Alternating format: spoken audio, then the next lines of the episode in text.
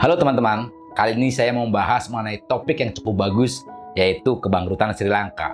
Negara Sri Lanka dilanda krisis ekonomi besar sehingga menyebabkan kebangkrutan. Pemerintah Sri Lanka mendesak warga di luar negeri untuk mengirimkan uang ke rumah untuk membantu membayar makanan dan bahan bakar. Sri Lanka sebelumnya telah mengumumkan default atau gagal membayar utang ke luar negeri sebesar 51 miliar dolar Amerika Serikat. Sebenarnya selain Sri Lanka, ada beberapa negara yang pernah mengalami kebangkrutan. Pertama, Republik Argentina.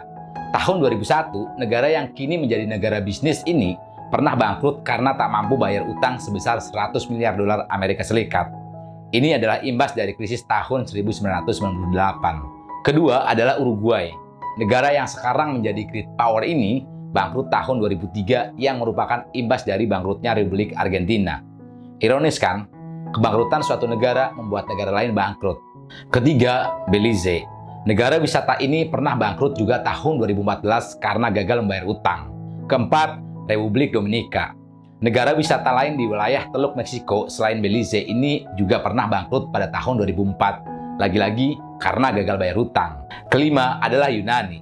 Yap, Negara para dewa ini pernah juga bangkrut di tahun 2015. Bisa ditebak dong karena apa? Yap, betul sekali. Karena hutang. Oke, kita balik lagi ke Sri Lanka.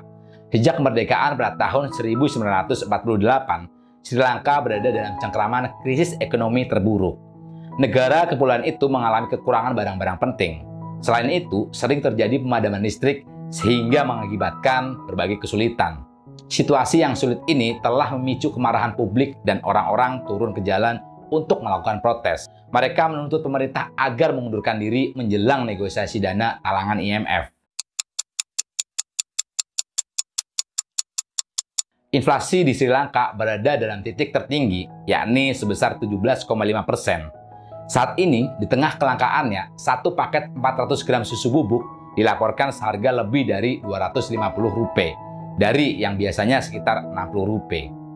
Negara dengan 22 juta penduduk ini sangat tergantung pada impor barang-barang penting, termasuk bensin, makanan, dan obat-obatan.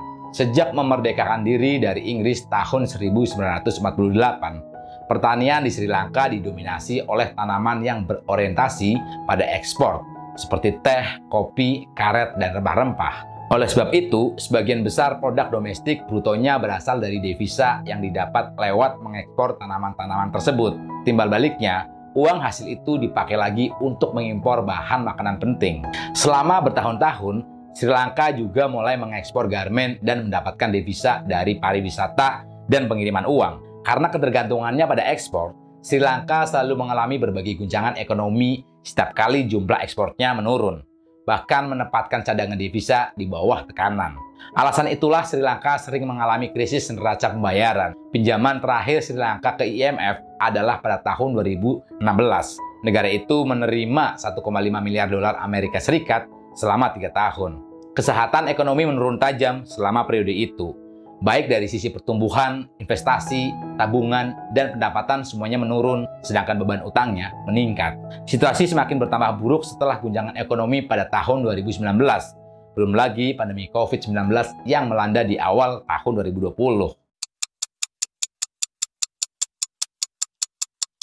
Tidak, tepatnya bukan sekedar karena berhutang. Kebangkrutan Sri Lanka karena beragam faktor. Hutang dipakai untuk proyek yang tak menguntungkan, kepala negaranya KKN menurunkan pajak, tapi tak menyediakan pemasukan pengganti. Mengandalkan pariwisata, tapi terkena badai pandemi COVID-19. Kita coba melihat dari sisi KKN-nya ya.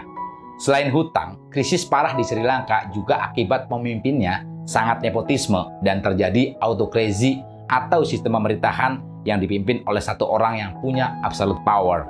Bayangkan saja, presidennya Gotabaya Rajapaksa Prime Ministernya Mahendra Rajapaksa, anggota parlemen Sahendra Rajapaksa, Kamal Rajapaksa, Bazil Rajapaksa, dan Namal Rajapaksa. Mereka semua adalah keluarga. Ada banyak skandal korupsi yang mereka lakukan, salah satunya berakibat gagal bayar hutang. Para kritikus mengatakan bahwa akar dari krisis yang terburuk dalam beberapa dekade terletak pada salah urus ekonomi oleh pemerintah berturut-turut yang menciptakan dan mempertahankan defisit kembar. Sri Lanka mengalami ekonomi defisit kembar klasik. Menurut catatan 2019 ASEAN Development Bank, Defisit kembar menandakan bahwa pengeluaran nasional suatu negara melebihi pendapatan nasionalnya, dan produksi barang dan jasa yang dapat diperdagangkan tidak memadai. Mari kita cek cadangan devisa di beberapa negara Asia. Sri Lanka cadangan devisanya hanya 7 miliar dolar. Pakistan cadangan devisanya 22 miliar dolar.